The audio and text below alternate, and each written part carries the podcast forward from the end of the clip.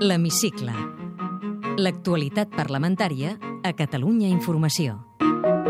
El síndic de Greuges, Rafael Ribó, ha entregat aquesta setmana al Parlament l'informe anual del seu organisme en plena polèmica per les xifres de malnutrició infantil.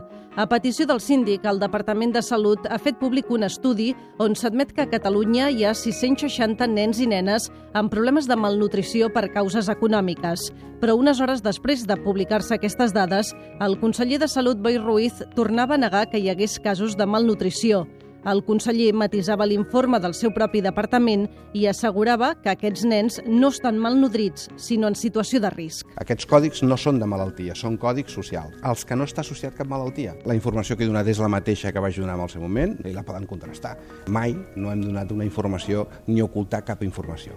El síndic de Greuges no se'l creu. Sosté que són casos de malnutrició. Són claríssim, no, no, no de risc, claríssim, perquè si no, no estarien detectats. El PSC i Iniciativa Esquerra Unida acusen el conseller d'amagar al Parlament les dades de malnutrició. Els socialistes ja han demanat la seva compareixença i Iniciativa vol que dimiteixi. Josep Vendrell. Ja sigui per ocultació de dades, ja sigui per incompetència, creiem que el conseller Boi Ruiz hauria de plegar. Després de tota la polèmica, la consellera d'Ensenyament, Irene Rigau, aprofitava una compareixença al Parlament per anunciar que 3.000 nens i nenes tindran aquest curs beques totalment gratuïtes per dinar al menjador de l'escola. Són infants en situació de pobresa extrema. Tenim 3.000 alumnes que reben beca entera, al 100%, i aquesta era una de les novetats d'aquest any. En total, el Departament d'Ensenyament donarà aquest curs 70.000 beques menjador que cobreixen el 50% del cost de l'àpat.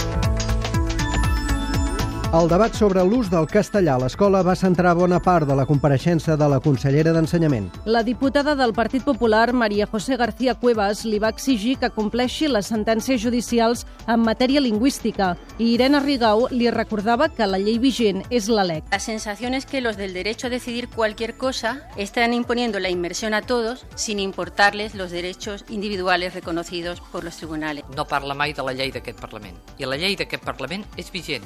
En paral·lel a la intervenció de la consellera, a la sala del costat compareixia en comissió el president del Tribunal Superior de Justícia de Catalunya per parlar de la llengua en l'àmbit judicial. Miguel Ángel Jimeno va proposar que el català sigui un requisit de permanència i no d'accés per treballar com a jutge a Catalunya. Aquella persona que de manera vulgui estar de manera permanent a, a Catalunya exercint la jurisdicció, és obvi que no pot prescindir del coneixement de la llengua. Tots els grups, menys el PP i Ciutadans, volen que el català sigui un requisit per exercir de jutge a Catalunya. Ara és un mèrit. Escoltem Helena Rivera de Convergència i Unió, Gemma Calvet d'Esquerra i Ferran Pedret del PSC. Si ho deixem a la voluntat de les parts, ens trobem amb el que ens trobem, que en lloc d'anar cap endavant, anem cap enrere. Són mesures de garantisme jurídic, de ple compliment de la normativa europea, de normalitat legislativa. És una imposició, sí, però el que als socialistes catalans ens preocupa és garantir els drets dels ciutadans, garantir el dret d'opció lingüística. El PP i Ciutadans ho rebutgen. La diputada Carmen de Rivera advertia d'aquest perill. Lo que se va a conseguir es que aumenten los traslados o que sencillamente no vengan jueces de otras comunidades autónomas. L'Associació Professional de la Magistratura tampoc no està d'acord que el català sigui un requisit. Fernando Lacaban és el portaveu. La proposta podria ser inconstitucional. Per què? Perquè la carrera judicial és un cos únic. En canvi, sí que ho defensa el coordinador de Jutges per la Democràcia. Joan Francesc Cúria. No podem estar en contra del requisit, perquè el sistema de mèrit ha fracassat. I enmig de tot el debat lingüístic, el diputat de la CUP, Quim Arrufat, feia aquesta denúncia. La llengua catalana bàsicament molesta el Partit Popular, els seus governs, és una incomoditat que no sap com sortejar-la i que, per tant, pretén fer-la eh, desaparèixer. Aquesta setmana han continuat les compareixences a la comissió que investiga la gestió de les caixes catalanes. Dilluns va intervenir-hi l'exconseller d'Economia Antoni Castells. I va revelar que la Generalitat volia crear el 2008 un banc dolent català per afrontar els problemes de capitalització de les caixes. Però no va ser possible per falta de diners. Es descarta perquè exigeix una potència financera que la Generalitat amb l'ICF no té i perquè és complicat. També va compareixer la presidenta de la Sareb, l'anomenat Banc Dolent. Belén Romana va anunciar que la Sareb cedirà a Catalunya 600 vivendes perquè es lloguin a preus assequibles.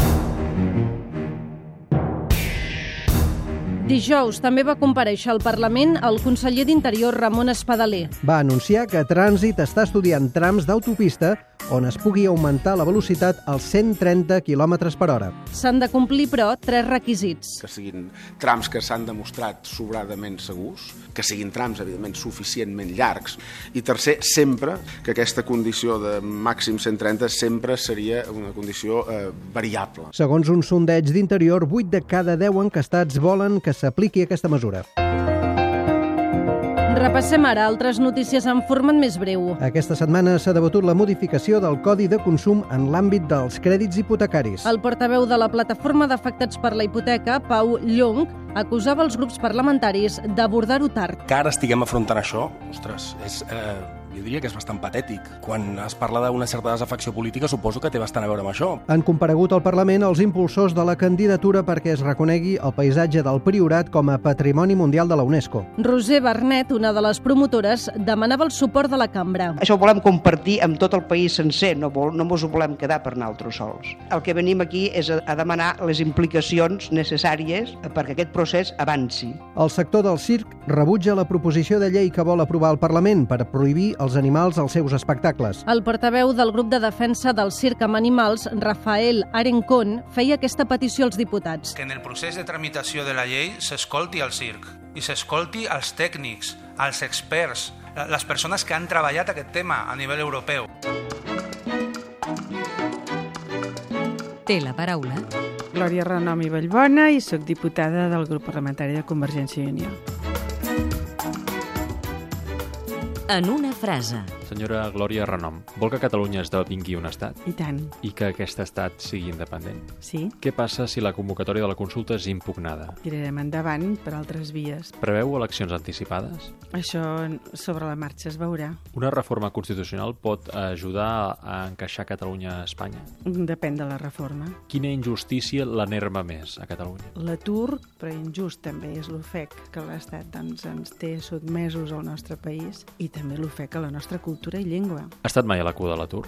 No, Si es queda sense feina, quina és la primera porta que trucaria? enviar el currículum a diferents empreses que segons la meva formació puc interessar o puc oferir. Els seus ingressos han pujat, baixat o s'han mantingut en els últims 5 anys? Han baixat. Bé, els meus ingressos són com a diputada al Parlament i tots sabem que el sou s'ha baixat un 18% o una mica més, em sembla, i després doncs ens en té la paga i no som funcionaris, eh? Ha pagat o cobrat mai en negre? No, mai. Posaria la mà al foc que ningú al seu partit ha comès mai cap irregularitat? Jo penso que sí, que li posaria, i tant. Quins estudis té? Soc eh, llicenciada en Psicologia, en Pedagogia i mestra, i també vaig estudiar piano i una mica d'idiomes. De què ha treballat abans de fer de diputada? He estat treballant en un gabinet de psicologia, també com a mestra, i sobretot també en psicologia familiar.